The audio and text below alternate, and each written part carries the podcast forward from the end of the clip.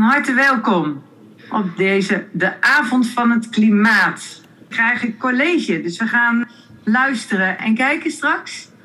Ik ben Kobi Franke van Progressief Woerden. Nou, dan gaan wij van start met uh, deze 26 mensen. En dan uh, ga ik ook even het woord geven aan Lex Albers van Duurzaam Woerden. Wij organiseren dit samen. Lex, ga je gang. Oké, ja, ik ben Lex Albers. Ik ben van het burgerinitiatief Duurzaam Woerden.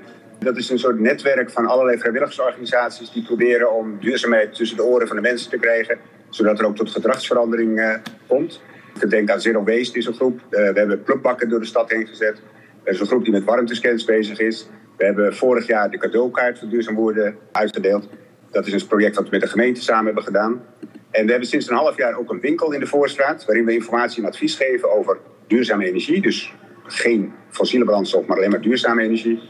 Uh, groen, biodiversiteit, circulair en afvalvrij leven, zero waste. En we initiëren ook project voor en met bewoners, ondernemers en de overheid. En daarom past ook deze college toe van vanavond. Dus we hebben met uh, Kobi samen afgesproken om het samen te organiseren. Hartelijk welkom en veel uh, kijkgenot. Dankjewel Lex. En dan uh, geef ik vervolgens het woord aan uh, Julia. Want jij gaat een introductie geven op het college van vanavond. Hoi, ja, dankjewel Kobi. Ja, nou, ik ben Julia. Ik ben uh, voorzitter van Progressief Woerden, maar ook gewoon woerdenaar. En ik vond het leuk om Appie uit te nodigen.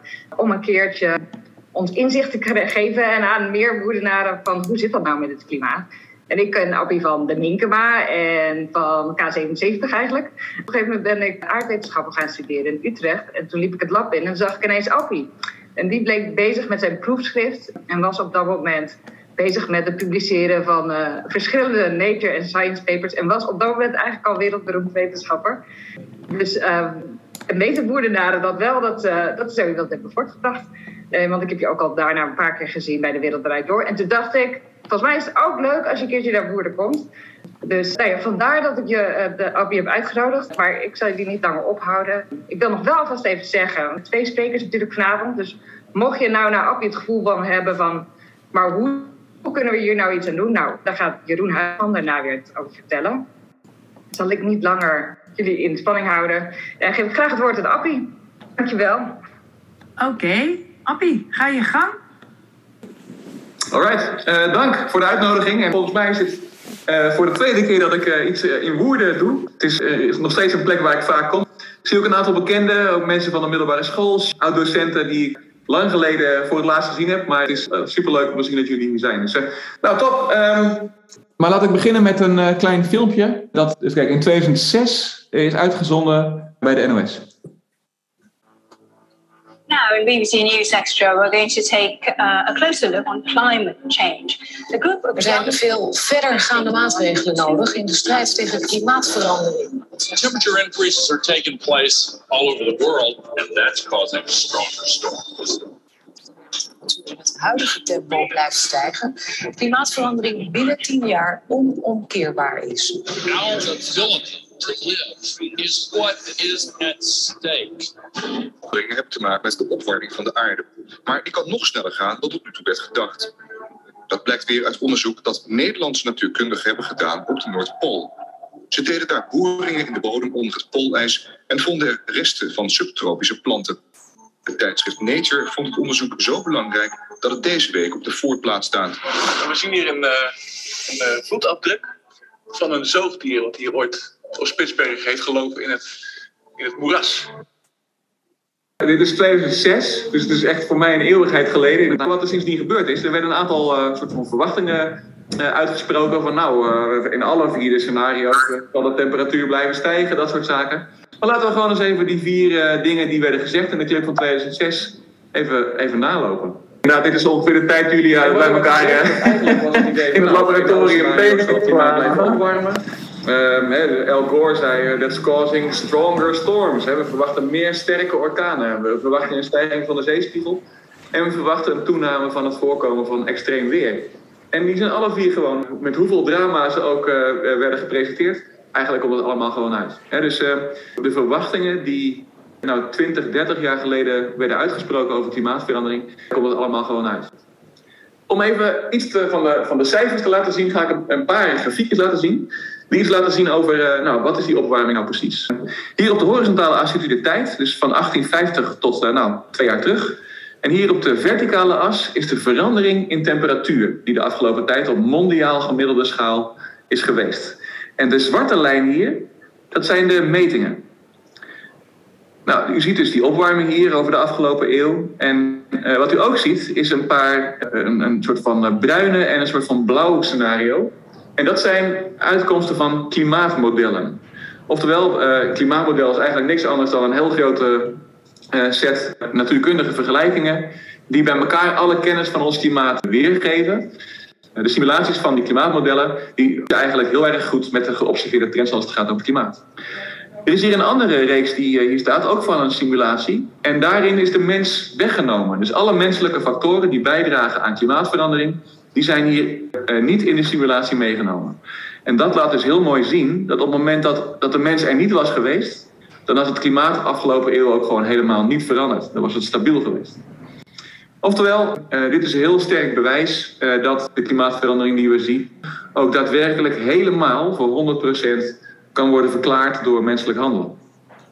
En uiteraard de belangrijkste drijvende factor hierin is de verandering van, het, de, van de CO2-gehaltes van de atmosfeer. En u ziet hier op de horizontale as de tijd weer sinds 1960. De metingen van atmosferische CO2-concentraties begonnen in de jaren 50. Uh, ja, hier zijn metingen tot 2020, 2021 meegenomen. En u ziet hier in deze tijdspanne is de CO2-concentratie gestegen van, nou, uh, in 1960, hè, bijna ongeveer in de orde van 300, iets meer deeltjes per miljoen. Dus je neemt een miljoen deeltjes in de atmosfeer, en daarvan zijn er maar 300 CO2. Maar dat, dat is genoeg om het klimaat te laten veranderen. En hier ziet u de stijging van die CO2-concentratie over de afgelopen uh, decennia. Om het even in perspectief te plaatsen, uh, nu even wat informatie over de CO2-uitstoot die deze CO2-stijging veroorzaakt. En dit, lijkt niet zoveel. Hè? Als je zo'n lijntje ziet, nou, dan zie je dat een beetje stijgen. Dat gaat van 300 naar 400. Maar, maar misschien om even aan te geven hoeveel die stijging is, even het volgende. Hier op de horizontale as ziet u de tijd, maar van in de toekomst, vanaf 2015 naar uh, 2100. En hier op de verticale as ziet u de hoeveelheid CO2 die jaarlijks geproduceerd wordt door de mens. Per jaar produceren wij ongeveer 40 petagram CO2. En peta is, u kent het misschien nog wel van de middelbare school of misschien recentelijk nog, maar peta is, een heel, is eigenlijk gewoon een getal met, uh, met 15 nullen erachter. Ja, zo'n zo groot getal. Het, het, is, het is niet voor te stellen hoe groot dat getal is. Misschien laat ik één voorbeeld noemen. Dan stel je nou voor dat je een zwembad hebt dat helemaal vol is. Hè? Helemaal vol met water. Dat heeft een enorme massa. Ja? Maar van zo'n zwembad heb je er 16 miljoen nodig om tot 40 petagram te komen. Dus de schaal van CO2-uitstoot is onvoorstelbaar. Uiteraard gaat het nu, als het over beleid gaat, heel erg over: oké, hoe gaat deze trend, hoe gaat onze uitstoot in de komende tijd uh, veranderen? En uh, daarvoor is een aantal scenario's berekend, op basis waarvan ook beleid kan worden gemaakt. En al deze scenario's die zijn volledig afhankelijk van onze menselijke keuzes. De gele lijn die, die, die laat zien dat, er, dat de CO2-uitstoot gaat dalen en de blauwe lijn ook. En, maar wat heel belangrijk is om te, om te weten is dat we gaan de CO2-concentraties in de atmosfeer pas laten dalen op het moment dat de uitstoot onder de nul komt. Dus ons, de klimaatverandering van de toekomst en hoe sterk die klimaatverandering in de toekomst nog zal zijn, die hangt voor een heel groot gedeelte af van onze keuzes. Van oké, gaan we nog heel veel extra CO2 blijven, verstoken, blijven uitstoten? Of gaan we langzamerhand terug in onze uitstoot en naar nul, zodat de CO2 uit de atmosfeer gaat? Nou, deze scenario's voor, voor CO2-uitstoot uh, in de toekomst hebben uiteraard consequenties voor hoeveel CO2 er in de toekomst in de atmosfeer zal zitten. En dat staat hierin. Dus hier ziet u uh, die lijntjes weer uh, kalenderjaar. In dus dit is het jaar 1000, dit is het jaar 2000, het jaar 2500 uh, op, de, op de horizontale as onder kalenderjaar. De blauwe lijn hier die is eigenlijk de CO2-concentratie van voor de industriële revolutie. die was 280 deeltjes per miljoen. U zit een heel snelle stijging, nou, daar zitten we nu middenin. Hè? Dus, dus de, de, dat rode lijntje en die gele lijn en die blauwe lijn en die bruine lijn zijn eigenlijk de CO2-concentraties die resulteren uh, van die verschillende emissiescenario's. He, dus die, die, bruine lijn Feitelijk wil dat zeggen, nou de komende eeuwen verbranden we alle fossiele brandstoffen. En dan gaan we tot een CO2-concentratie van bijna 2000. En die eh, blauwe lijn, die wil zeggen van nou we gaan vanaf nu gaan we heel sterk reduceren in de, uh, in uitstoot. En daardoor zal, de CO2-concentratie de komende eeuwen dalen. Maar dus dit is eigenlijk nog de onzekerheid uh, die, uh, die we hebben. En die onzekerheid is volledig afhankelijk van hoeveel CO2 wij in de toekomst nog gaan uitstoten. Nou, een van de lollige vragen hier is van hoe weten we eigenlijk dat die CO2-concentratie in ons jaar 1000 280 deeltjes per miljoen was. En dat weten we aan de hand van Groenland en in, uh, in Antarctica. Want eigenlijk zijn ijskappen niks dan uh, um, sneeuw dat over de jaren heen uh, neerdwarrelt op die ijskap. En omdat er steeds meer laagjes sneeuw overheen komen, wordt dat langzamerhand samengedrukt. En in dat ijs wat daardoor ontstaat, zijn ook luchtbelletjes ingesloten. En die luchtbelletjes zijn eigenlijk niks anders dan. Dus je kunt daar ook de CO2-concentratie in meten. En dus daarom, daardoor weten we dat uh, de afgelopen duizenden jaren de CO2-concentratie eigenlijk niet hoger is geweest dan die waarde van ongeveer 280 deeltjes per miljoen. Die CO2-concentratie is wel degelijk in het verleden veranderd. Want als we iets verder teruggaan in de tijd, u gaat nu uh, op het scherm naar links, zijn we opeens een miljoen jaar terug. En u ziet daar wat fluctuaties ook in die periode. Hij zegt tussen, een, tussen duizend jaar en, en, en een miljoen jaar geleden. En die variaties hebben te maken met de ijstijden. Dus he, als de CO2-concentratie hoog was, dat is ongeveer 280 deeltjes per miljoen, was er een warme periode tussen de ijstijden waar de CO2-concentratie ongeveer 180 deeltjes per miljoen was.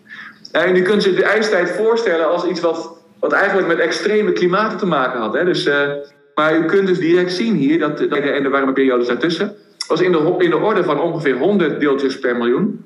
En we hebben nu al meer dan 100 deeltjes per miljoen de CO2-concentratie laten stijgen in de atmosfeer sinds het begin van de industriële revolutie. Oftewel, uh, het is niet zo gek dat we klimaatverandering hebben. De CO2-concentratiestijging is eigenlijk heel erg groot geweest. Maar een ander interessant aspect is van nou, stel je nou voor dat we in de toekomst inderdaad naar CO2-concentraties gaan van zeg 500 of misschien 1000 ppm. Uh, wat voor klimaat hoort daar eigenlijk bij? En daarover zegt de afgelopen miljoen jaar helemaal niks, want we hebben CO2-concentratie simpelweg niet gehad. Dus we moeten verder terug in de tijd. En daarom ga ik mijn grafiek naar de linkerkant weer uitbreiden, naar verder terug in de tijd. En hier uh, zijn ook weer reconstructies van CO2-concentraties uh, in het nog verdere verleden. Hier gaat de schaal in panel B gaat naar ongeveer 60 miljoen jaar terug in de tijd.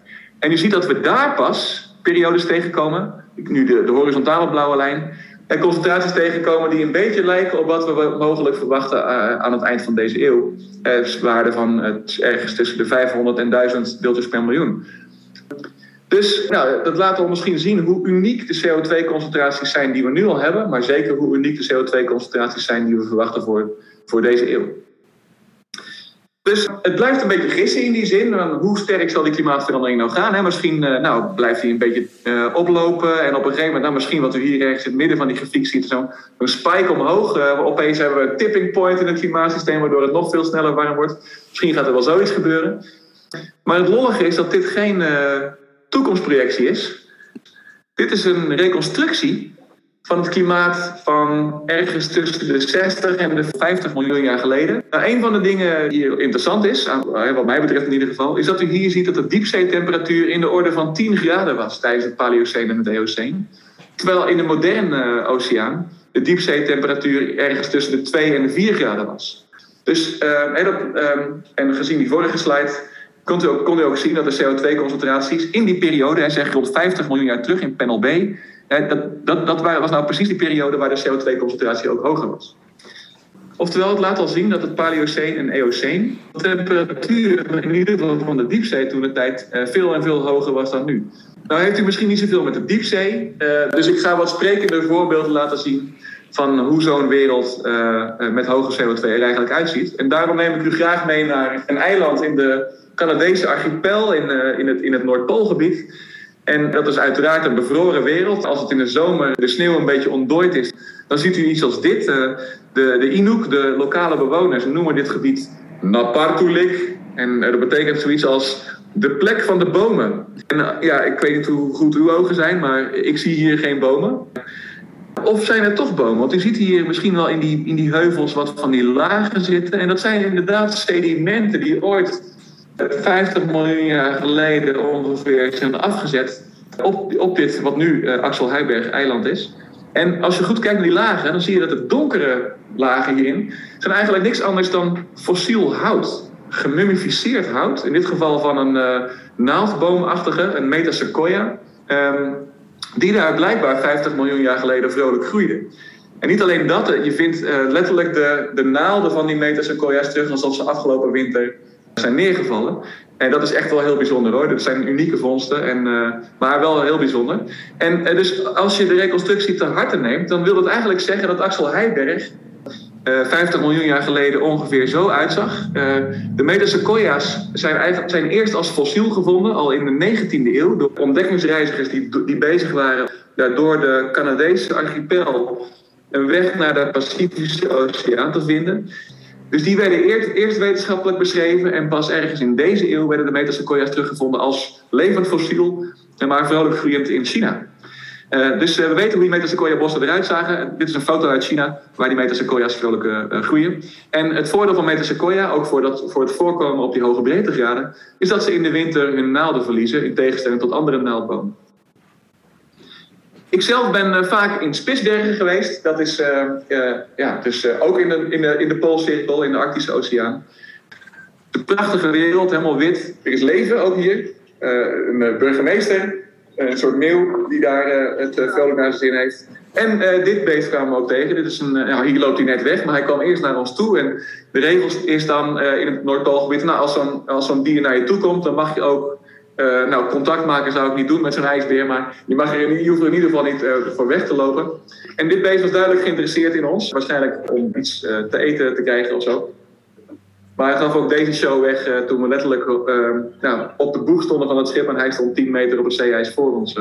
bijzonder indrukwekkend gezicht. Super gaaf dit, maar voor een aardwetenschapper is hier helemaal niks aan, want alle stenen liggen onder de sneeuw. Daarom is het beter om terug te komen in de zomer, want dan is de sneeuw gesmolten. Wat u, wat hier ziet is een gletsjerdal. En dit gletsjerdal dat is uitgesleten in de vorige ijstijd. Maar die gletsjer ook ziet is al deze, al deze stenen die hier uh, te zien zijn. Uh, en die stenen zijn eigenlijk meegenomen door die gletsjer van hogere uh, lagen die boven in de, in de gesteentes nog te vinden zijn. Daar vinden we weer diezelfde Metasequoia bladeren, maar niet alleen dat, ook grote bladeren van die getuigen van loofbos dat daar groeide. En worden steenkolen gewonnen. Steenkolen is uiteraard fossiele brandstof, afkomstig van organisch materiaal. Uh, vaak zijn het fossiele veenafzettingen, die blijkbaar in die tijd in Spitsbergen uh, op grote schaal werden afgezet. En dit is dus die mijn waar dat, die afdruk van dat zoogdier uit het filmpje uh, is gevonden door een kompel ergens, ik meen in 2008. hier ziet u een voetafdruk van, van een beest dat daar door het moeras van Spitsbergen liep. En het is een, het is een uitgestorven lijn van uh, zoogdieren, maar een zoogdier met een, met een ecologie die vergelijkbaar is met de huidige uh, nijlpaarden. Dus oftewel uh, nijlpaarden op de Noordpool tijdens het Eoceen. Ik zelf ben meer thuis in het reconstrueren van het klimaat op zee. En dat doen we aan de hand van sedimenten die op de zeebodem zijn afgezet. En hier ziet u sedimenten die, die u misschien zelf al eens gezien heeft. Dit is bij Etretat in Normandië. En daar ziet u al die lagen zitten. En die lagen, dat zijn eigenlijk niks anders dan eenheden van tijd. Hè? Diertjes en kleine algen die doodgingen en zich op elkaar stapelden van hoe het klimaat in het verleden was.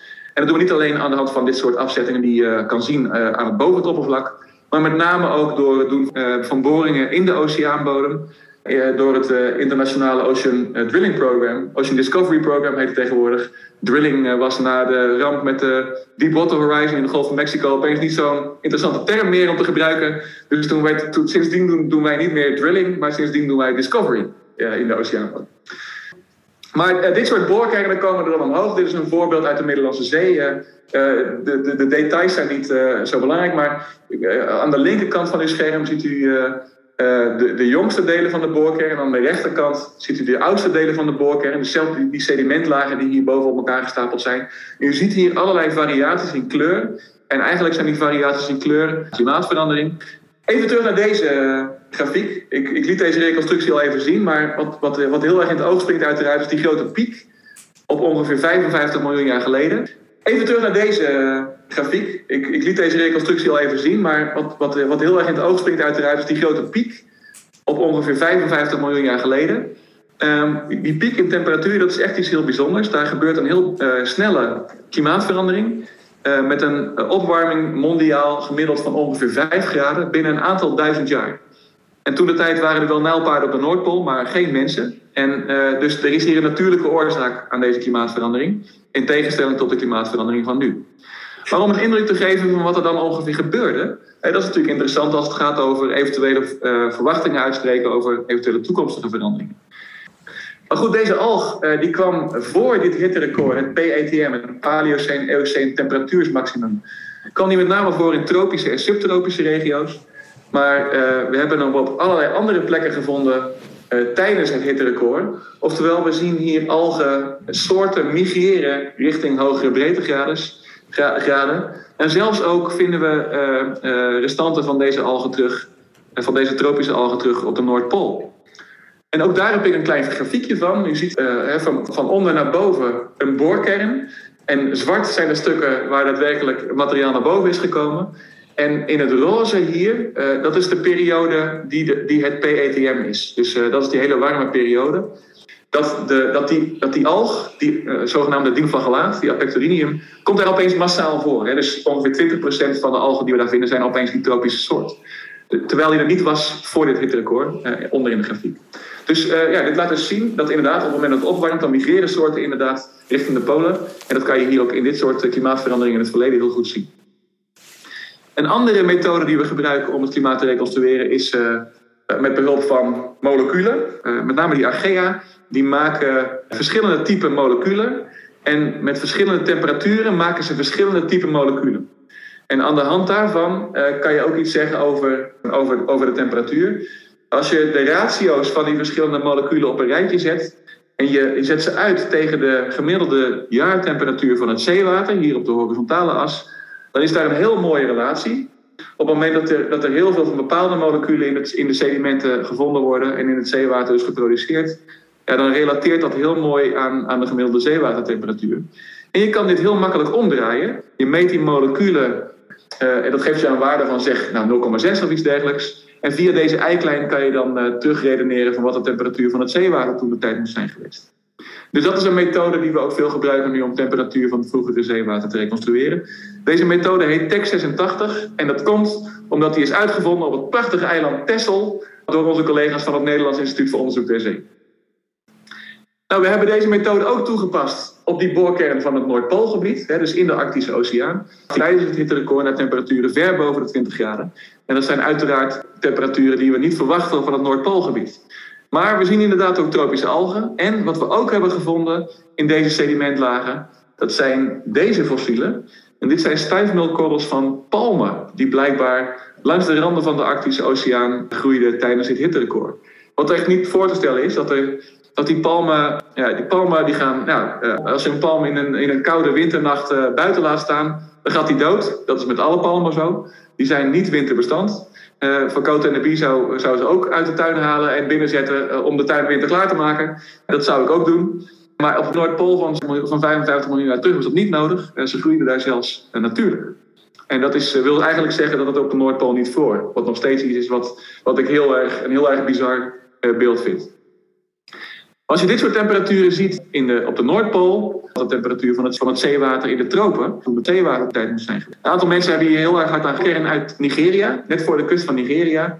Um, en die heeft ook weer uh, het PETM hier in grijs uh, weergegeven. En u ziet in de paarse lijn ziet u de, de temperaturen uh, die we aan de hand van deze methode hebben gereconstrueerd van het zeewater in de tropen. En u ziet hier temperaturen van 3, 34 graden. Nou, dat is, dat is al warm, hè? want dat is een graad of of 4, 5 warmer dan de allerwarmste oceaan die wij nu hebben. Uh, dat is in de West-Pacifische Oceaan.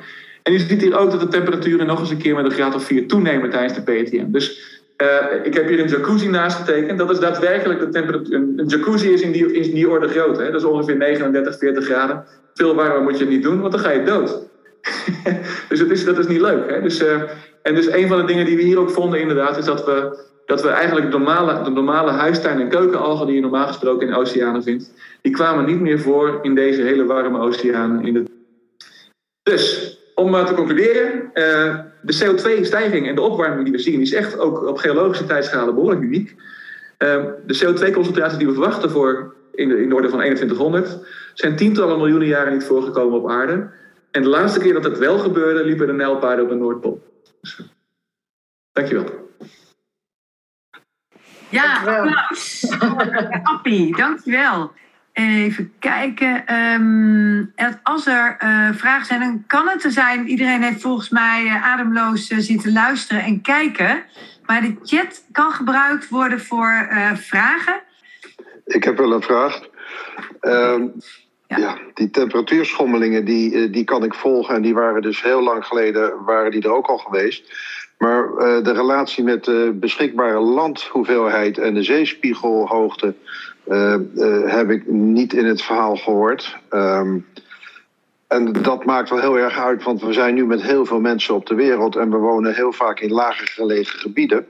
Uh, wat is nou de relatie tussen de, de, de stijging van de CO2 in de toekomst en de beschikbare landmassa om te wonen? Ja, dat is een uitstekend punt en ik heb het daar niet over gehad inderdaad. Maar we zien inderdaad dat die, dat die klimaatvariaties heel sterk samenhangen met zeespiegelvariaties. En Sterker nog, in het, uh, in het Eoceen, zeker in het vroege Eoceen, was er eigenlijk geen ijs. En dat wil eigenlijk zeggen dat al het ijs wat we nu op de continenten hebben liggen, dus op Antarctica en Groenland, dat was toen allemaal gesmolten. En dat ijs in totaal is ongeveer een 70 eh, meter aan zeespiegel uh, equivalent. Uh, dus als dat allemaal smelt is, smelt, is de zeespiegel 70 meter hoger dan nu. Dat gaat de komende eeuwen niet gebeuren. Zo snel gaat dat niet. Maar um, het, is, het is nu wel zo dat ijssmelt ongeveer de helft van de zeespiegel is van de afgelopen eeuw.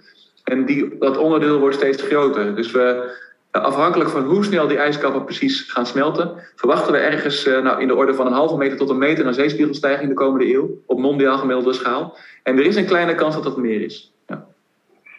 Okay. Ja, en op iets langere termijn kunnen we verwachten dat er dus uh, nog, nog verder toeneemt en dat er dus steeds minder gebied overblijft om te wonen. Ja, het is, uh, ongeveer 60% van de wereldbevolking woont ongeveer aan zee. Hè, en is afhankelijk van de, van de, van de kustinfrastructuur en ook van het klimaat dat daarbij hoort. Dus het is zeker, ja, we zien het nu al gebeuren. Hè. Er zijn grote delen van de wereld waar, waar zeespiegelstijging nu al een serieus probleem is. En dat, zal, dat probleem zal natuurlijk niet minder worden. Ja. Oké, okay. ik zie ondertussen, er komen wel vragen nu bij de chat binnen. En de eerste die ik zie, hoe ben je hierin verzeild geraakt, Appie? ja, nou... Echt, hè, is die. nou, dat is een goede vraag. Dus ik, uh, uh, ik ben natuurlijk ook gewoon een zoon van mijn vader, die natuurwetenschapper is. een aantal van jullie zullen hem ongetwijfeld kennen. Die heeft altijd op, op de Minkema gewerkt en op de Rijksschoolgemeenschap. En uh, die is wel inspiratie geweest voor, überhaupt, uh, voor de natuur. Uh, samen met allerlei andere mensen in de familie ook, maar zeker hij en ook mijn moeder trouwens. En dus ik ben biologie gaan studeren. En tijdens mijn studie biologie kwam ik deze paleontologische kant tegen, tegen met, met het onderzoeken van de fossielen. En dat sparkte ook mijn interesse in de aardwetenschappen direct. En daarom die combinatie van het doen van fossiele onderzoek en dan vervolgens nog met het klimaat erbij, dat vond ik zo te gek dat ik daarin ben gedoken. Ja. Oké. Even kijken. En dan wat inhou een inhoudelijke vraag. Het zeewater in de tropen was warm. Weten we hoe het op het land was? Ja, dat is een goede vraag. Dus we, weten minder van het land. Uh, maar het, ziet er wel naar uit dat, we, dat er uh, grote gebieden waren die veel droger waren dan nu. In eh, gebieden waar het nu ook droog is. Dus zeg maar de woestijngebieden die waren echt intens. Um, en ook noord, meer noordwaarts dan nu. bijvoorbeeld zeg maar Noord-Spanje was echt woestijn zeg maar, op, dat, op dat moment. Uh, maar uh, heel veel andere gebieden die noordelijke lagen waren juist veel natter. He, dus uh, met name het Noordpoolgebied was heel nat, maar ook gebieden van Noord-Europa waren echt bijzonder nat. Dus we, we zien eigenlijk dat in zo'n wereld die warmer is dan nu, zien we eigenlijk dat alle natte gebieden nog natter zijn en alle droge gebieden nog droger. En dat is eerlijk gezegd nu al meetbaar ook in de klimaatverandering van de afgelopen eeuw.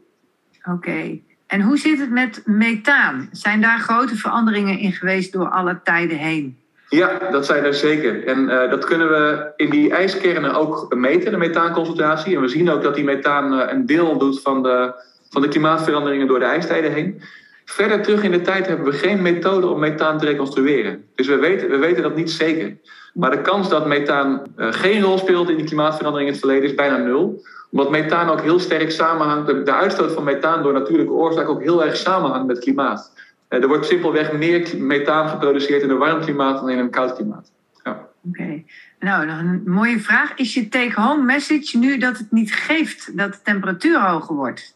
Nou, het, het ligt eraan van, vanuit wiens perspectief je het bekijkt. Vanuit de aarde is het, maakt het niks uit. Hè? Dus de aarde is wel door warmere klimaten gegaan. Maar precies wat de eerste vraagsteller ook zei. Hè? Dus we leven nu met 7 miljoen mensen op aarde. we zijn heel kwetsbaar daarvoor, denk ik. Ik denk dat heel grote delen van de wereld kwetsbaarder is dan wij hier in Nederland zijn. Maar dat is natuurlijk waar het hier over gaat. Het is, het is, een, in heel groot deel is een ethische kwestie. Maar het is ook daadwerkelijk een substantiële kwestie voor, alle, voor de echte wereldbevolking. Om te zien dat overal het klimaat verandert. Uh, dus uh, daar hebben wij gewoon last van. Dus het is voor de aarde niet erg, maar wel voor ons. Okay. En kan je ook iets zeggen over de huidige CO2-uitstoot en de verschillende scenario's die je presenteerde? Uh, ja, ik kan er wel iets over zeggen. Is de vraag of ze um, over hoe ze tot stand komen of uh, hoe ze uit gaan werken? Even kijken, we kunnen het even vragen aan de vragensteller. Uh, de vraag ging eigenlijk voornamelijk over naar de toekomst. Dus uh, de huidige CO2-uitstoot, de vier scenario's die je voorzet, die gingen nogal verschrikkelijk kanten op. Het hangt natuurlijk af van beleid ook wel en hoe hard uh, het gaan is. Maar ja, of je daar iets, iets van kan zeggen. Ook meer ja, nee, nieuwe scenario's van KNMI die volgend jaar uitkomen, volgens mij heb ik iets van gehoord. Ja, dus de, de, de, scenario's die het KNMI presenteert en ook IPCC, dat zijn eigenlijk klimaatscenario's. He, dus, uh, en, en, feitelijk worden die klimaatscenario's gebaseerd op CO2-emissiescenario's. Voor we gaan als een gek CO2-uitstoot reduceren. He, dan, uh, dan hebben we dus een gunstig scenario waarbij de CO2-uitstoot sterk zal dalen. En dan zal de klimaatverandering dus ook minder zijn en de zeespiegelstijging zal minder zijn. we zitten nu op een scenario waarbij we aan het eind van de eeuw een, een, graad of drie opwarming hebben. Plus of min een halve graad. Die orde grootte. Uh, als je dat niet wil, dan moet je sterker reduceren. En dus dan we nu in onze plannen hebben. Um, en dat is, wel, dat is wel een ding hoor. Want ja, de, de, eigenlijk is het mondiale doel van nou, we willen klimaatneutraal zijn in 2050. Nou, dat, ja. was, dat je dan, dan de, eigenlijk geen CO2 meer mag uitstoten, netto. Dus, dus dat is eigenlijk het scenario waar we naartoe moeten als we die klimaatverandering niet uit de hand moeten laten lopen. En dan, dat wil zeggen dat, nou, dat je over 25 jaar eigenlijk CO2-neutraal moet zijn. En dat wil zeggen dat we net, zo, net zoveel CO2 opnemen als dat we uitstoten. Ja. Oké, okay. uh, een beetje persoonlijke vraag, uh, maar met een compliment beginnend. Super interessant, dankjewel. Je vertelt je verhaal met veel enthousiasme. Alleen ik kan me voorstellen dat het soms ook deprimerend schokkend is wat je onderzoekt. Ja. Is die mogelijke tweestrijd voor jou? Nou, het is, niet, het is eigenlijk geen tweestrijd. Want ik vind, uh, de reden waarom ik doe wat ik doe, is omdat ik het super uh, interessant vind, het klimaat van het verleden. Dus ik ben, ik ben eigenlijk alleen maar heel erg tof onderzoek aan het doen. Zo zie ik wat het is. En uiteraard heeft dat implicaties en heeft, heeft, dat, heeft dat een rol te spelen in, de, in, de, in de maatschappelijke discussie over klimaatverandering. Maar ik kan natuurlijk wel net zo depressief worden over klimaatverandering van vandaag de dag als, als jullie allemaal. Maar um, ja, dat heeft eigenlijk geen direct weerslag op mijn onderzoek. Want mijn onderzoek gaat eigenlijk gewoon over klimaatverandering in het verleden. Dat vind ik gewoon super interessant. Ja, ja. En tot slot nog een uh, korte vraag. Is er invloed van zout water? Uh, ja, dus er is, in Nederland gaat het dan over, denk ik. Van, uh, dus, we hebben hier natuurlijk in Nederland een... nou, en zeker waar jullie zitten. Ik zit hier in Utrecht net twee meter hoger, maar jullie in Woerden... en zeker als het over Gouda gaat ja, er zijn natuurlijk al behoorlijk wat gebieden, ook in Noord-Holland, waar zoutwater al aan het oppervlakte is. Uh, en dat heeft met twee redenen te maken. Met name uiteraard door de bodemdaling in het Westland. Uh, dat uh, feitelijk veroorzaakt wordt door blijven de polders ontwateren om de koeien op te laten lopen. Dat is natuurlijk de belangrijkste oorzaak van de inklinking van de, van de bodem in het Westland.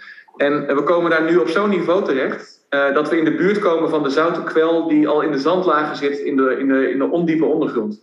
En dat zoute water dat is eigenlijk in direct contact met, uh, met het zeewater. Dus dat zal ook niet zoet te krijgen zijn. En, uh, dus op het moment dat je op, op, zo'n waarde komt in het Westland, dat je eigenlijk met, heel regelmatig met zoute kwel te maken hebt, dat je dicht bij die zoute lagen, zoutwaterlagen zit, ja, dan kan je eigenlijk zometeen geen gras meer laten groeien. Dus dat is echt wel waar het over gaat hoor. Dus er, zijn, er zijn belangrijke implicaties voor, de, voor ons landgebruik in het Westland als het gaat over bodemdaling en zoute kwel. Oké, en uh, iemand vraagt zich af, uh, alle CO2 opgeslagen in olie, gas, etc. Waar kwam dat vandaan? Ja, dat is een mooie vraag. Want dat, uh, ik, heb, ik heb daar iets over gezegd, heel kort. Hè. Dus, waar ik het over Spitsbergen had en ik liet daar, ik, liet daar een, een, een, dia zien. Ik zeg een dia, maar het, was natuurlijk gewoon een PowerPoint-presentatie, helemaal geen dia. Maar goed, is, dus dat, dat waren steenkolen, hè. Dus een steenkolenmijn. En die steenkolenmijn dat is eigenlijk niks anders dan gefossiliseerd organisch materiaal. Dus fossiel veen. Dat uh, onder grote druk en temperaturen in de diepte is uh, omgezet van, van organisch materiaal naar, uh, naar die fossiele brandstoffen. Dus eigenlijk is alle fossiele brandstoffen die we nu aan het oppervlakte brengen en als CO2 de atmosfeer inbrengen, dat is eigenlijk in miljoenen jaren opgehoopt organisch materiaal, dood organisch materiaal, dat door geologische krachten is opgewarmd en samengedrukt tot olie, gas en steenkolen. Oké. Even kijken. Ik ga je ook vragen. Er zijn heel veel vragen binnengekomen. Mooi, maar we gaan langzamerhand ook wel naar de volgende spreker toe. Uh, maar er zijn er nog een paar, die kunnen we nog even doen. Hoe haalbaar zijn de doelen van Parijs voor opwarming? Om te beperken tot 1,5 tot 2 graden. Wat denk je? Dat is, dat is een goede vraag. Ik denk dat, uh, ik denk dat anderhalve graad wordt al heel moeilijk. Dat, dan wil je, dan wil echt, dat wil niet alleen zeggen dat we, dat we CO2-neutraal moeten zijn in 2050, maar ook nog heel veel CO2 uit de atmosfeer moeten halen. Uh, dat is niet onmogelijk, maar de technologie die op die schaal nodig is, die is er nog niet. Ja, kijk, niks is onmogelijk. Hè? Dus op het moment dat er echt grote dingen opeens kunnen veranderen in de mondiale maatschappij, dan kunnen echt dingen ook snel. Je kijkt ook maar naar hoe bijvoorbeeld. ik, haal, ik haal er altijd hoop uit dingen die bijvoorbeeld. Kijk, als je bijvoorbeeld naar zo'n maatschappelijke transitie kijkt als als het stoppen met roken of zo. Dus uh, dat, uh, toen ik uh, hier als student in de kroeg zat, was het echt volledig ondenkbaar dat, dat, dat roken in de kroeg niet meer zou kunnen. amper zes, zeven jaar later. Maar het was wel het geval en het werd volledig gedragen door de maatschappij. Nou, naar zo'n soort maatschappelijke transitie moeten we toe. Dat het eigenlijk idioot is. dat het eigenlijk net zo idioot is om als fossiele brandstoffen te verbranden dat, dat, dat het idioot is dat je bij je kind op schoot een sigaret opsteekt. Met je kind op schoot een sigaret opsteekt. Dus zo'n zo maatschappelijke transitie is nodig, denk ik daarvoor. Ja, even kijken. Ik heb nu, ik zie nog twee dingen staan, maar volgens mij zijn dat meer reacties op wat je al zei. De zoute kwel komt boven in de droogmakerijen waar al het veen is weggegraven. En veenafbraak leidt tot bodemdaling, maar in de buurt van het brakke water kom je niet. Verbrakking zou zelfs de veenafbraak weer remmen. Ik weet niet, ik zie het meer als een reactie. Ja, die komt van mij. Ja. Uh, wat, wat Appie daar zei hè, over uh, West-Nederland, dat die bodemdaling zorgt voor uh, verzilting. die, die bodemdaling door veenafbraak, dat klopt niet. Dus we zitten hier met veenpakketten, hè, ook rond woorden van meters dik. veenafbraak is hier minder dan een centimeter per jaar. Dus voordat je daar bij de zoutkwel komt, dat duurt nog wel even. Het is wel een groot probleem in de droogmakerijen. Ja, het zit, het zit met name in Noord-Holland is het een groot probleem, precies daar. Dat klopt, klopt, klopt volledig wat je zegt, ja. ja. Oh, gelukkig. Ik dacht als twee uh, mensen um, die zo uh, in inhoud zitten met elkaar in discussie gaan. Jullie zijn het eens. Uh, ja, volgens mij zijn wij, we hebben een flink aantal vragen behandeld.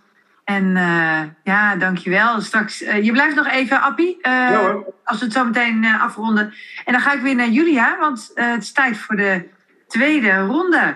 Ja, nee, hartstikke bedankt, Appie. Ik vond het ook heel leuke vragen allemaal en lekker veel interactie, dus daar ben ik echt super blij mee. En wat Anne zei over van, het is ook best wel heftig als je dat beseft van hoeveel klimaatverandering er is geweest in het verleden. Dat was eigenlijk ook precies het verhaal wat ik graag ja, hoopte dat Appie bij zou uh, kunnen komen brengen. Want dan voel je een beetje die gevoel van urgentie en hoe belangrijk het is. Als je dan ziet wat de impact mogelijk zou kunnen zijn. Dankjewel, uh, Appie, dat je dat, uh, dat je dat hebt willen doen voor ons.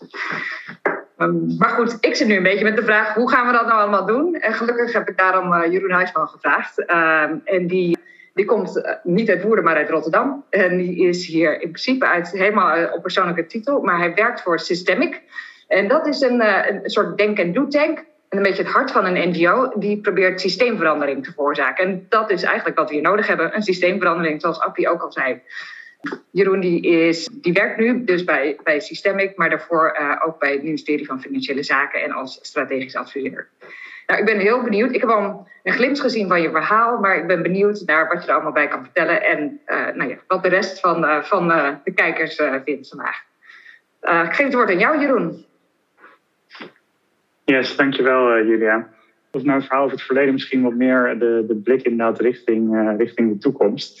En ik heb, ik heb ook een paar grafiekjes met getallen, dus ik ben nu wel enigszins zenuwachtig met een wetenschapper in ons midden de getallen goed hebt. Maar Appie, voel je vrij om, om te corrigeren waar, waar je een andere mening hebt. Maar ik denk dat het redelijk af.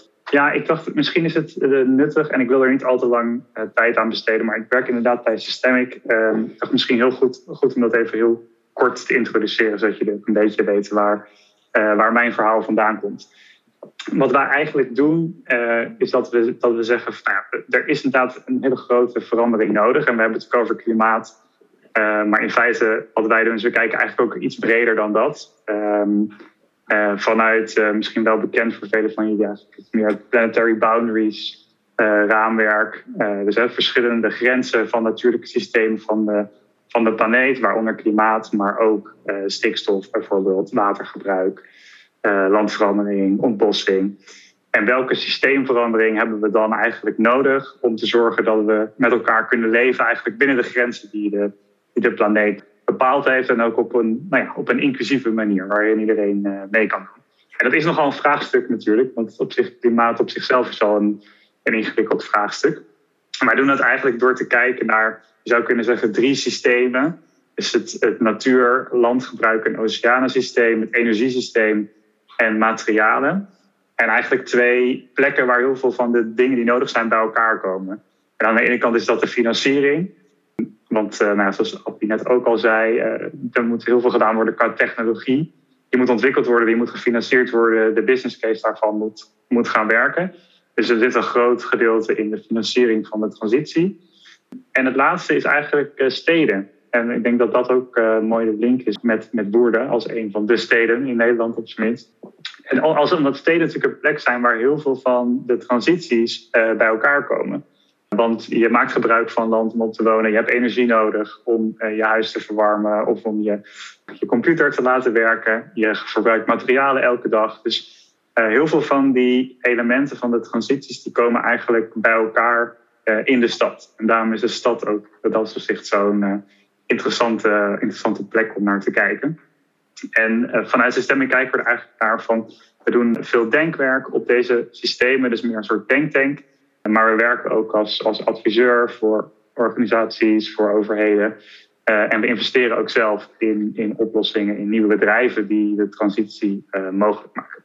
Nou, dat even ter context. Ik wilde ook even starten mijn verhaal eigenlijk met nou ja, de context waar we, waar we in zitten. Ik denk dat het goed, een goede opvolging is van waar, waar, waar Alpi eindigde. We hebben natuurlijk te maken met nou, de klimaattransitie. En die wordt op dit moment grotendeels gedreven door beleid vanuit de Europese Unie. Als je kijkt naar wat het Nederlandse beleid is, is grotendeels ook een afgeleide van beleid wat in de, uh, binnen de EU met elkaar is afgesproken. En um, iets wat velen van jullie waarschijnlijk wel eens voorbij hebben zien komen, is de Europese Green Deal. En uh, de Green Deal is wat betreft best wel belangrijk, omdat die eigenlijk het raamwerk zet voor een nieuwe economie, zou je kunnen zeggen. Een nieuwe economie binnen, binnen de grenzen van de planeet. Dan wordt dat niet zo letterlijk gezegd in de Green Deal. Maar je zou kunnen zeggen dat het daarop neerkomt. En dat is veel meer dan alleen klimaat. Dus de Green Deal wordt vaak uh, meteen gerelateerd aan klimaat. En dat komt deels doordat de concrete maatregelen die met de Green Deal zijn afgekondigd, vooral nog uh, over klimaat gaan. Maar de Green Deal gaat ook over eigenlijk een, een circulaire economie en ook over een eerlijke transitie. Dus er zitten allerlei verschillende elementen in, wat veel breder is dan klimaat. Wat wij, in ieder geval vanuit de stemming, denken dat dat een heel goed idee is. Want je moet systemen, en ik zal er nog iets meer zeggen over wat voor soort systemen we dan over nadenken in de stad. Ja, je moet dat gezamenlijk aanpakken. Als je alleen klimaat doet en denkt van nou, de circulair doen we wel over, uh, over 40 jaar dan, uh, dan lopen we dan weer tegen uh, probleem aan. Dus het is goed om te weten dat die Green Deal dus echt best wel een heel breed perspectief eigenlijk neemt op welke transities er nodig zijn voor een economie binnen de grenzen van de planeet, om het zo maar even te zeggen. Uiteraard is klimaat een belangrijke. En we hadden het net over van is anderhalve graden haalbaar? Ik geloof dat het haalbaar is, maar niet met de huidige uh, beleid en maatregelen die op dit moment worden genomen. En dat is eigenlijk wat dit grafiekje laat zien. Uh, dus aan de linkerkant uh, de data zou overeen moeten komen met die van API, namelijk de historische uitstoot van um, nou ja, hier in CO2-equivalenten, dus inclusief bijvoorbeeld methaan. En hoe dat zich zal doorontwikkelen op basis van de huidige projecties, maar ook de huidige, ja, wat dan zo mooi heet, de NDC's, hè, de de nationale voorstellen voor CO2-reductie. En de rode lijn is in feite het pad wat nodig is om het anderhalve graden pad mogelijk te maken. Dus als je dan kijkt, dan zie je dat er dus een heel groot gat nog zit tussen de gele lijn, wat de toezeggingen zijn, die ook nog maar gerealiseerd moeten worden natuurlijk, hè, want dat zijn ook alleen nog plannen. En de rode lijn van wat eigenlijk nodig is om in lijn te blijven met een anderhalf graden pad. Dus ja, het, het is in principe mogelijk, maar niet als we nog tien jaar uh, wachten. En, en ook niet met de huidige plannen van, van landen, zoals die op dit moment zijn vastgesteld. Om even de omvang ook te schetsen, en vooral ook op het gebied van, energie, hè, omdat dat natuurlijk een groot gedeelte, in ieder geval van de koolstofuitstoot voor zijn rekening neemt. Uh, een klein plaatje over die schets van eigenlijk hoe het energiesysteem uh, zal veranderen. Dus aan de linkerkant zie je eigenlijk um, een beeld van hoe het huidige energiesysteem eruit ziet. Uh, dus veel gas, olie en kool. En aan de rechterkant eigenlijk een scenario voor hoe de nieuwe energiemix eruit zal zien. Waarbij je vooral ziet dat een enorme toename van elektriciteit zal zijn.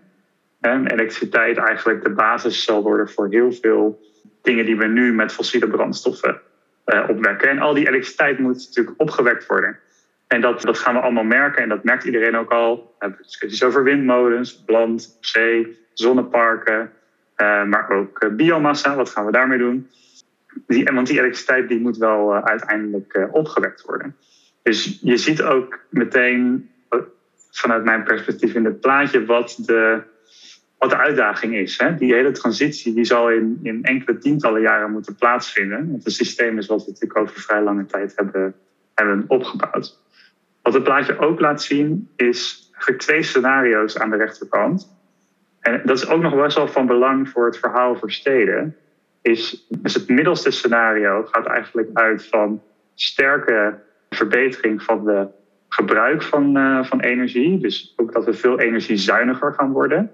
En het rechterscenario gaat daar eigenlijk minder van uit. Hè? Dus gaat meer over, we gaan alles wat we nu doen gewoon overzetten naar nieuwe vormen van van hernieuwbare energie. En het middelste scenario gaat ook uit van ja, we gaan veel efficiënter met energie om. Dus denk aan het isoleren van uh, gebouwen bijvoorbeeld, waarbij je dus veel minder energie nodig hebt.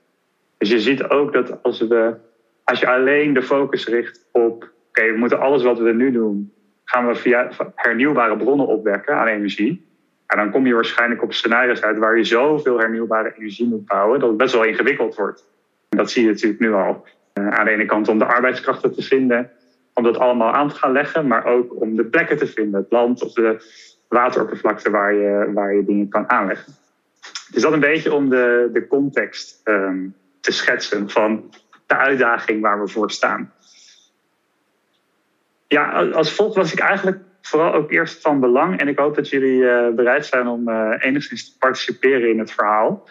Om dus even te kijken wat, wat voor jullie nou eigenlijk en ik heb het nu even geredeneerd vanuit klimaat, dus klimaatneutraliteit voor woorden. Ja, als je in een paar woorden of een zin de grootste uitdaging voor woorden om klimaatneutraal te worden, zou ik jullie willen vragen om. Uh, er zijn twee manieren eigenlijk om deel te nemen. Je kan dus die QR-code bovenin scannen met je telefoon. Dan word je direct naar de website geleid. En je kan ook gewoon in je browser uh, www.menti.com intikken. En dan de code die daarachter staat. En dan kan je ook uh, deelnemen. Dus ik hoop dat dat lukt. En dan als het goed is, zien we zo een aantal reacties van jullie verschijnen. Ja, kijk, de eerste is al binnen. Ja, het draagvlak. Windmolens. Ik zou me zomaar kunnen voorstellen dat impopulaire technieken en windmolens een beetje dezelfde dingen zijn, maar ik weet niet of dat zo is. Mentaliteitsverandering, ja. We zien al meteen veel um, ja, ander bestuur, financiering, politieke keuzes. Ik zie ook iets, mentaliteitsverandering. Zou iemand daar misschien nog een paar woorden aan willen wijden, terwijl de rest een contributie in Ja, die, die, was voor mij. Ik, wil best, ik heb mezelf even mute gezet. Anders moet ik hele verhalen gaan typen. Nee, nee, ga uh, inderdaad via de microfoon. Je, je, vroeg om één woord, dus ik dacht, nou dan ga ik niet heel veel typen. Uh, uh, bij mensen, alles en iedereen, zeg maar. Dat we gewoon... ja, we hebben gewoon met z'n allen een voetafdruk die veel meer dan één aarde is. Ja, dat gewoon... Het is echt zo'n simpel zo'n simpele dooddoener. Zolang we met z'n allen het oké vinden om drie aardes op te maken, heb zo, dan gaan we er niet komen. Dat besef moet bij mensen wel als eerste doordringen, denk ik. En dan een hele hoop technologische oplossingen. Ja, dat in één woord. Ja, ja dank. Dus inderdaad, de, de, ja, een stuk eh, van de bewustwording van uh, ja. De ernst van de problematiek in zeker opzicht. Ja, en daarnaast ook denk ik al het andere hoor. Maar ik denk als we echt uh, met z'n allen blijven denken dat we wel door kunnen groeien en consumeren en dat er wel een technofix komt, dan ja. ja. Dan laten we de Noordpool maar even een helpen. Dank, dank. Maar het is leuk om even een beeld te krijgen van waar iedereen zo al uh, aan denkt. En wat ik dan ook wel weer meteen interessant vind, en het haakt ergens denk ik ook wel in waar ik zo meteen kom, is dat veel van de dingen die genoemd worden eigenlijk geen technologische problemen zijn. En uh, dat is denk ik een interessant gegeven. Misschien met uitzondering van het energienet, waar ik overigens volledig mee eens ben dat dat een, uh, een grote uitdaging is. Maar zelfs dat is misschien niet eens een technologisch probleem, want technologisch gezien weten we wel hoe we dat moeten doen. Alleen het in de grond krijgen van al die dingen is best wel een uitdaging. Ik denk dat dat ook wel misschien een, een bruggetje is naar de rest van het verhaal. Want uiteindelijk gaat het erom dat we met elkaar inderdaad een verandering creëren. Waarbij we binnen de systemen die we hebben in de stad en in ons land eigenlijk gaan nadenken over hoe kunnen we nou de behoeften van iedereen gaan vervullen. Uh, op een manier dat dat kan binnen de grenzen van de planeet. En ook waarin, een manier waarin iedereen mee kan. Dus, en hoe gaan we het ook aantrekkelijk maken uh, om mee te doen, eigenlijk. Hè? Dus een deel is natuurlijk, uh, zoals volgens mij ook terecht gezegd wordt, bewustwording. We moeten dingen op een andere manier gaan doen. Er wordt ander gedrag van, van ons gevraagd. Um, en een deel daarvan is natuurlijk ook van hoe zorg ervoor dat mensen ook mee kunnen. En als het ontzettend duur is om je huis te isoleren, ja, wie kan dat dan betalen?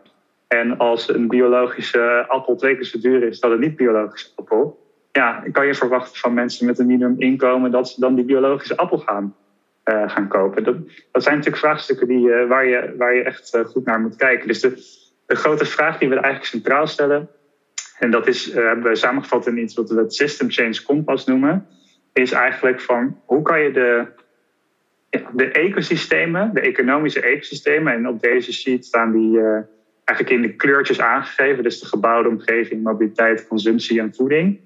Hoe kan je die nou transformeren zodat je wel op een manier binnen de grenzen van de planeet invulling kan geven aan de behoeften van mensen?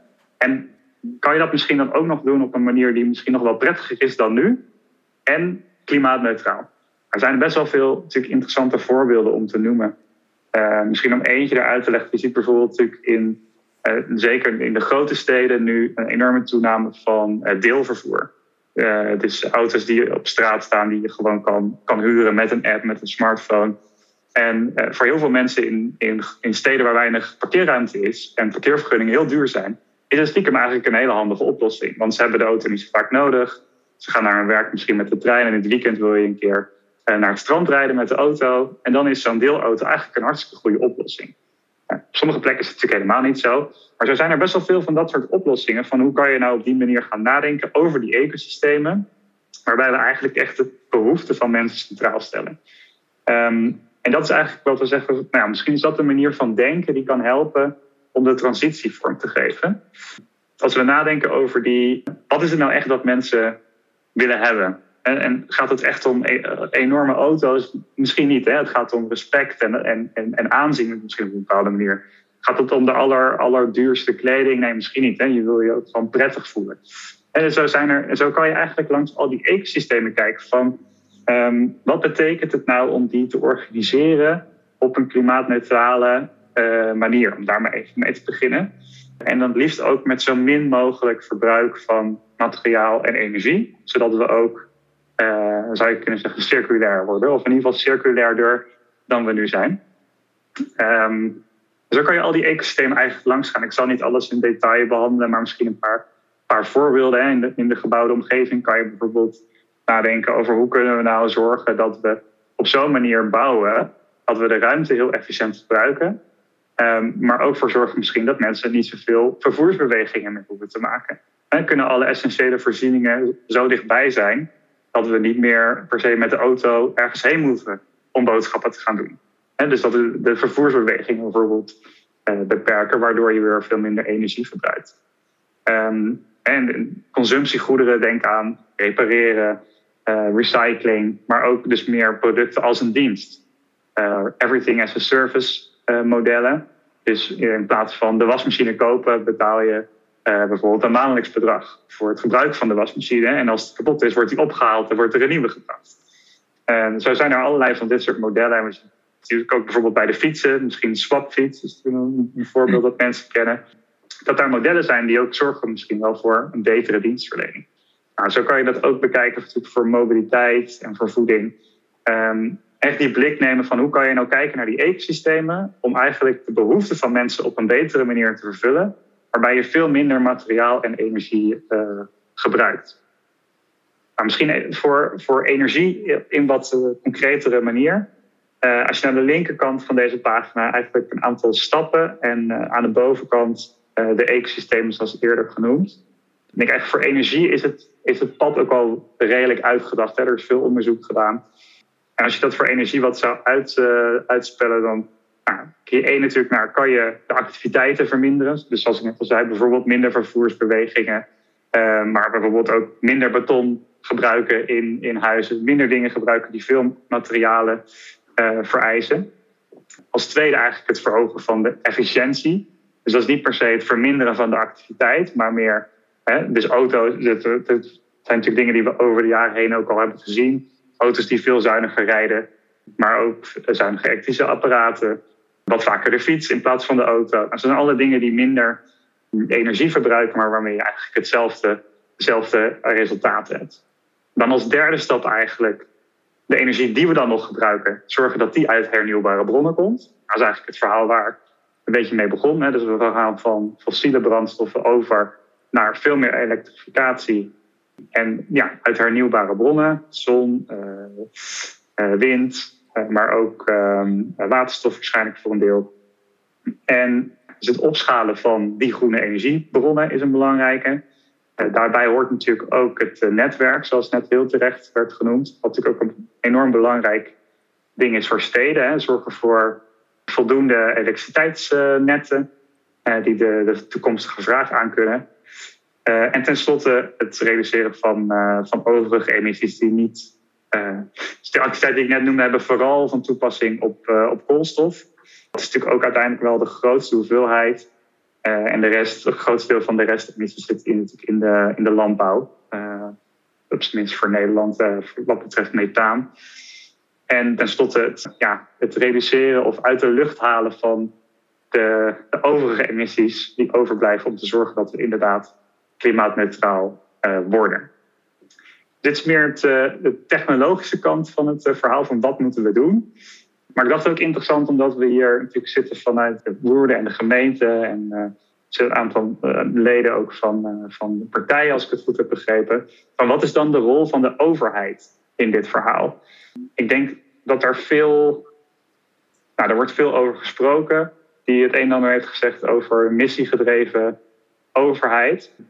En ik denk dat we toe moeten, maar dat is denk ik ook het eh, debat dat we hier misschien straks kunnen voeren, als we nog wat tijd over hebben.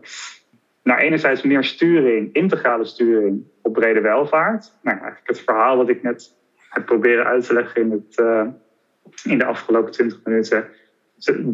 Het centraal zetten van de behoeften van mensen, zorgen dat iedereen mee kan, maar dat ook echt vangen in de processen en structuren. Dus we kunnen wel zeggen brede welvaart, maar worden besluiten ook echt genomen op basis van een afweging van brede welvaart? En welke indicatoren kijken we daarnaar? En is het BBP eh, dan nog zo belangrijk? Of in ieder geval moet dat de kernmeetindicator zijn van hoe we naar onze economie kijken. En ten tweede, moeten we dan uh, een beetje geleend van Mazzucato, een missiegedreven en investerende overheid. Hoe kan je zorgen dat de overheid. En ik heb zelf een paar jaar bij het ministerie van Financiën gewerkt. Voor mijn gevoel is de overheid soms meer uh, bezig om achter de troepen aan het speelveld vorm te geven, dan voor de troepen uit. dus we kijken heel erg van wat gebeurt er in de markt, wat is er nodig. Nou, dan gaan we de regelgeving uh, inzetten. Terwijl je eigenlijk om die transitie, die zo groot is, te realiseren, in een tijdsbestek van 20 jaar bijna niet zonder een overheid kan die echt het speelveld gaat vormgeven en gaat investeren in de, in de technologieën en dingen die nodig zijn om de transitie eh, te gaan realiseren. Uiteraard absoluut niet in zijn eentje, maar in samenwerking met maatschappelijke organisaties, met kennisinstellingen, met universiteiten, met bedrijven. Als we nadenken over is die anderhalve graden mogelijk? Waarschijnlijk ja, maar dan moet je dat wel echt gezamenlijk gaan doen. En zal er ook echt wel op gestuurd moeten worden.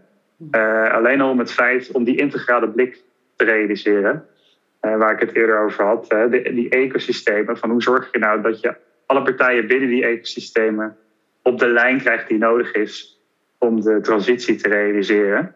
En de verschillende individuele partijen in zo'n ecosysteem kunnen dat misschien wel willen, maar zullen dat in hun eentje misschien niet altijd kunnen. En kan je dan als overheid voor zorgen om die partijen bij elkaar te brengen onder een duidelijke missie van waar het heen gaat, zodat je die transitie wel kan verstellen. En ik denk dat dat, uh, dat dat de uitdaging is. Maar ik ben eigenlijk heel benieuwd hoe jullie daar naar kijken. Dus ik ga eindigen met deze menti en daarna ben ik in ieder geval klaar met mijn verhaal, maar dan zijn er misschien nog wat vragen. Als we nadenken, als jullie nou nadenken voor, voor woorden, wat zou dan uh, dingen zijn waarvan jullie denken, nou in 2030 moeten we dat echt gerealiseerd hebben? Wat zouden voor jullie mooie missies zijn uh, voor woorden?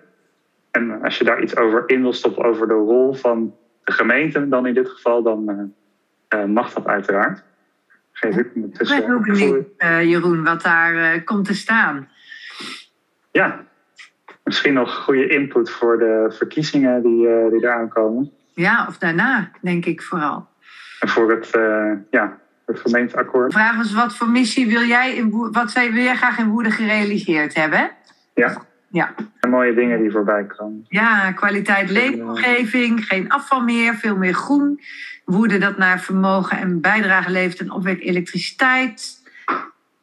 Isolatie van zoveel mogelijk woningen groene energieopwekking uit vrije binnenstad, meer bos om uh, Woerden.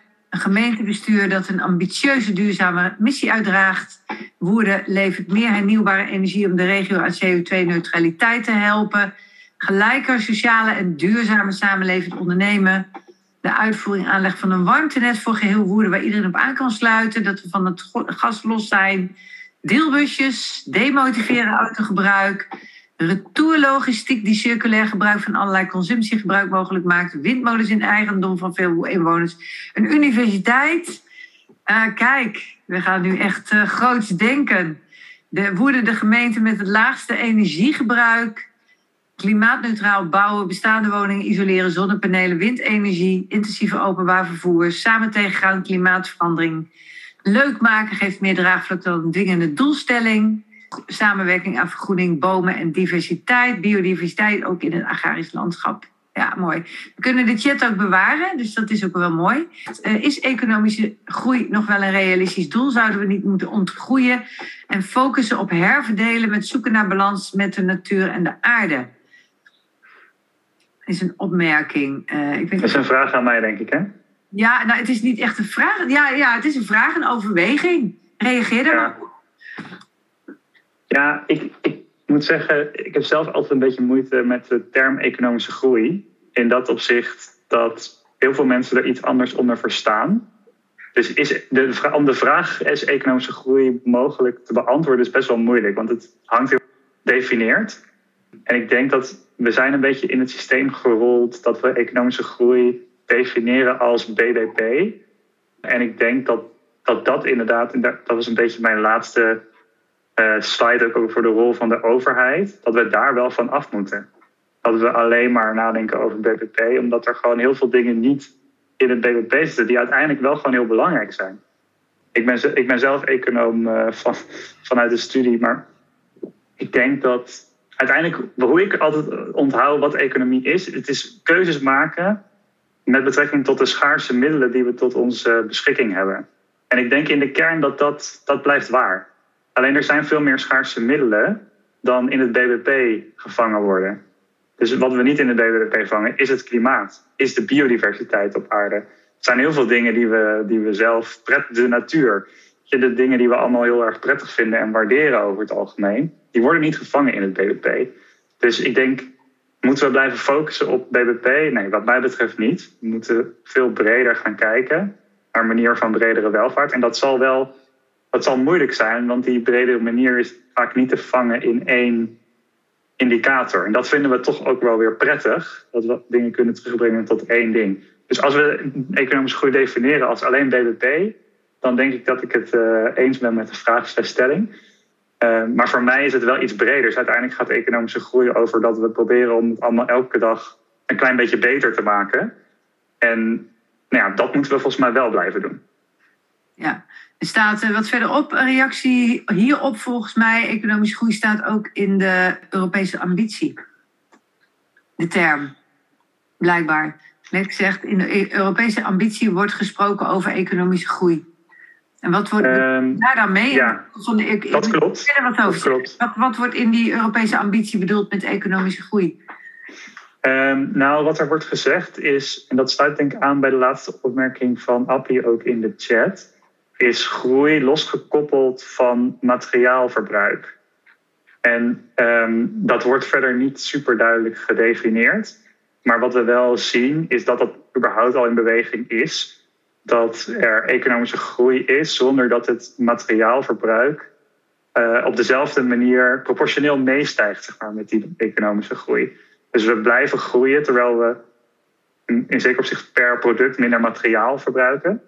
Alleen dat is waarschijnlijk nog niet radicaal genoeg hè, op dit moment om daadwerkelijk binnen die planetaire grenzen te blijven. Dus in zeker opzicht zou je kunnen zeggen, het is zo dat we daar al in ieder geval in de westerse wereld naartoe bewegen. Hè, dat we minder materiaal intensief groeien. Maar ja, dus er staat inderdaad wel e-, economische groei, maar losgekoppeld van materiaalverbruik. En ik zou zeggen, als we dat dan zeggen, materiaal en energiegebruik. Um, in zeker opzicht is dat natuurlijk zo, want je hebt ook materiaal nodig nu om energie te maken. Maar goed, wordt het een beetje complex.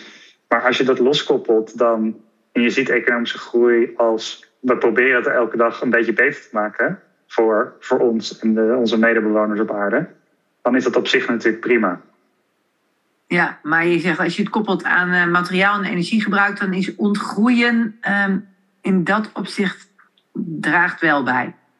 Ja, we moeten gewoon significant minder materiaal en energie verbruiken, willen we een economie binnen planetaire grenzen mogelijk maken. Ja, ja. Ik, ik lees een tip in de chat dat er een boek is geschreven, De Vergeten Oplossing, over hoe ecoprijs de toekomst gaat veranderen. Uh, er is een wens, uh, niet alleen voor een deel auto, maar ook een deel caddy of een deel busje voor grote spullen. En er wordt een opmerking gemaakt over, volgens mij, dat een windmolen toch ook erg veel energie kost om hem te maken. Ik weet niet of jij daar iets over kan zeggen, Jeroen, over de verhouding tussen de, zeg maar, de kosten en de baten, verhouding tussen de, zeg maar, de kosten en de baten van een windmolen. Ja, nou, de, de exacte, de exacte getallen kan ik niet oplepelen, maar ik denk in het algemeen, uh, en, en ik denk dat dat ook aansluit bij wat ik inderdaad probeerde te zeggen eerder, is dat je, je, je moet wat meer holistisch naar naar al deze dingen kijken. Dus een windmolen moet uiteindelijk ook circulair worden. En een windmolenproductie moet uiteindelijk ook klimaatneutraal worden. En we kunnen, niet, we kunnen daar niet 30 jaar mee wachten totdat we al die windmolens hebben neergezet en dan een keer nadenken van, oh ja, uh, die gaan moeten op een gegeven moment ook weer vervangen worden en wat gaan we er dan mee doen? Hmm. En het gaat natuurlijk een groot gedeelte over staalproductie. Die staalproductie moet uiteindelijk ook klimaatneutraal worden. En dat is nog een aardige opgave uiteraard, maar daar gaan we wel, ik ben overtuigd dat we daar wel gaan komen. De vraag is altijd van hoe snel gaat dat? Dus uiteindelijk zal de voetafdruk van de productie van een windmolen ook een stuk lager worden.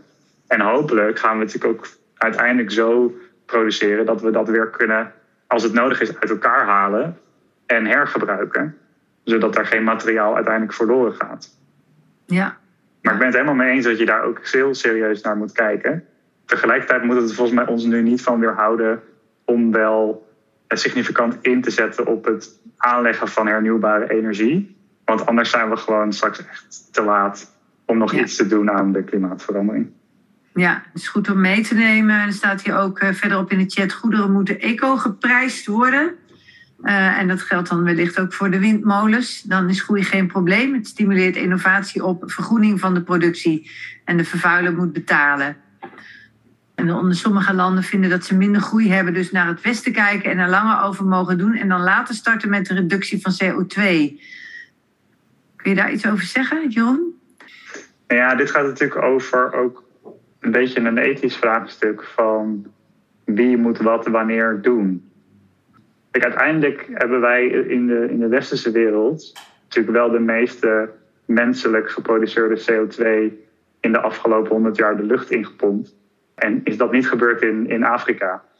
Dus dat er een aantal landen zijn die vanuit dat oogpunt zeggen van... Nou ja, misschien moeten jullie in Europa en Amerika misschien iets sneller en iets meer doen. Vind ik persoonlijk niet een hele gekke gedachte.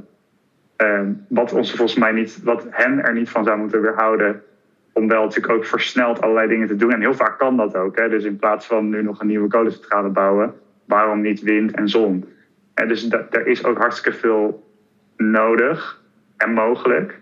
Ik voel er persoonlijk wel wat voor dat het niet gek is dat wij in Europa misschien iets harder gaan en het goede voorbeeld geven. Ten opzichte van landen die misschien iets meer financiële middelen hebben. Maar dat is ook een beetje een politiek vraagstuk, denk ik. Ja, Even kijken. En een uh, vraag van Appie. Uh, misschien is het wel mooi om daarmee af te sluiten. Dat de eerste spreker een vraag heeft aan, uh, aan de tweede. Is het niet zo dat het BBP de afgelopen tien jaar sterk gestegen is, terwijl de stijging in CO2-uitstoot is afgevlakt? Dat is bemoedigend, staat daaronder. Ja, volgens, volgens mij hadden we het daar net in zekere zin al een beetje over. Dus dat, volgens mij gaat dat over het ontkoppelen van energie- en materiaalverbruik. En in dit geval dus BBP.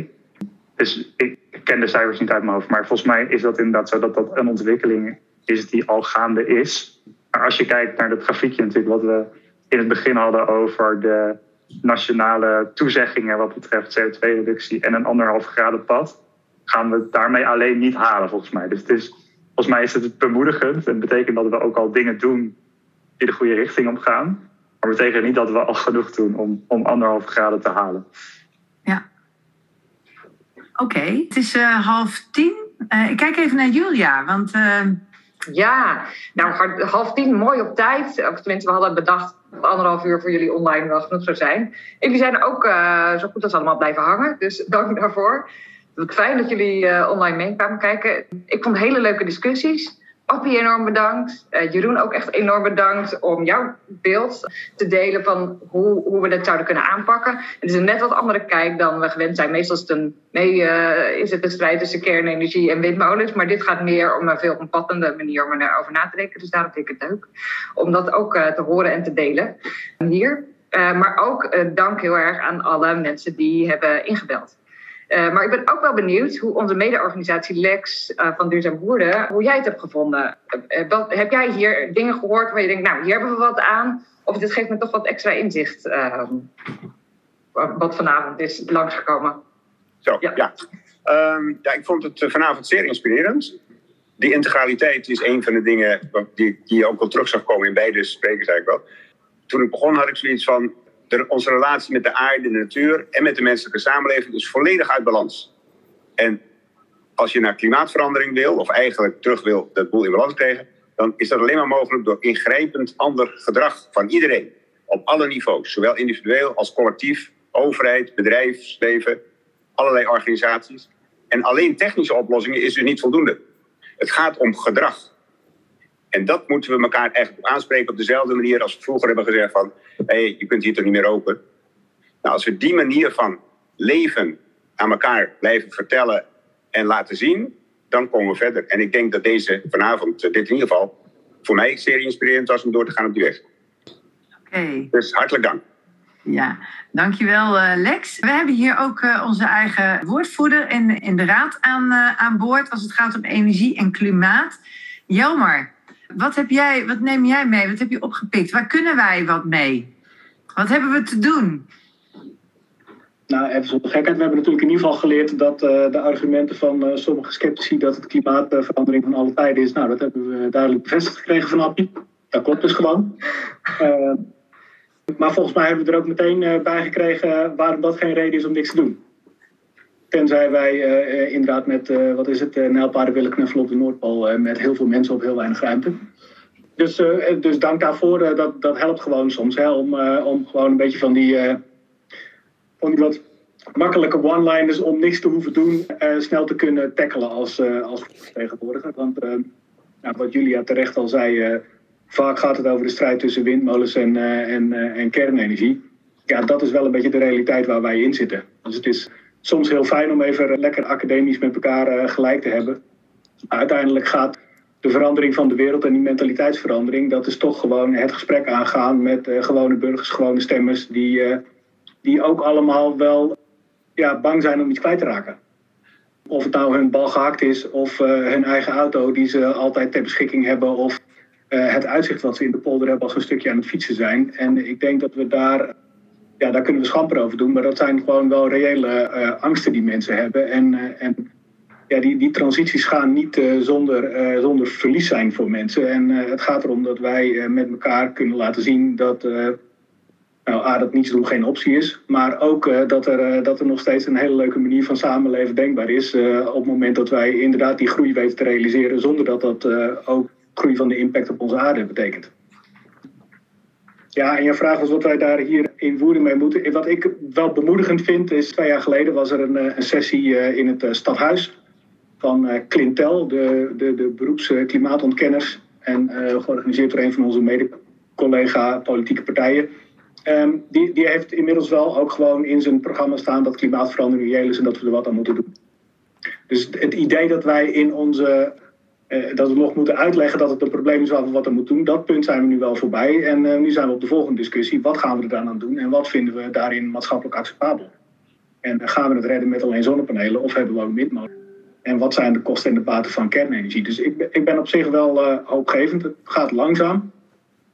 Maar ik zie wel, ik zie wel langzaam het schip keren. En um, nou ja, wij gaan daar dapper mee verder. En ik wil vooral aan iedereen hier ook vragen. Um, het is heel fijn om het met academici onder elkaar af en toe gelijk te hebben.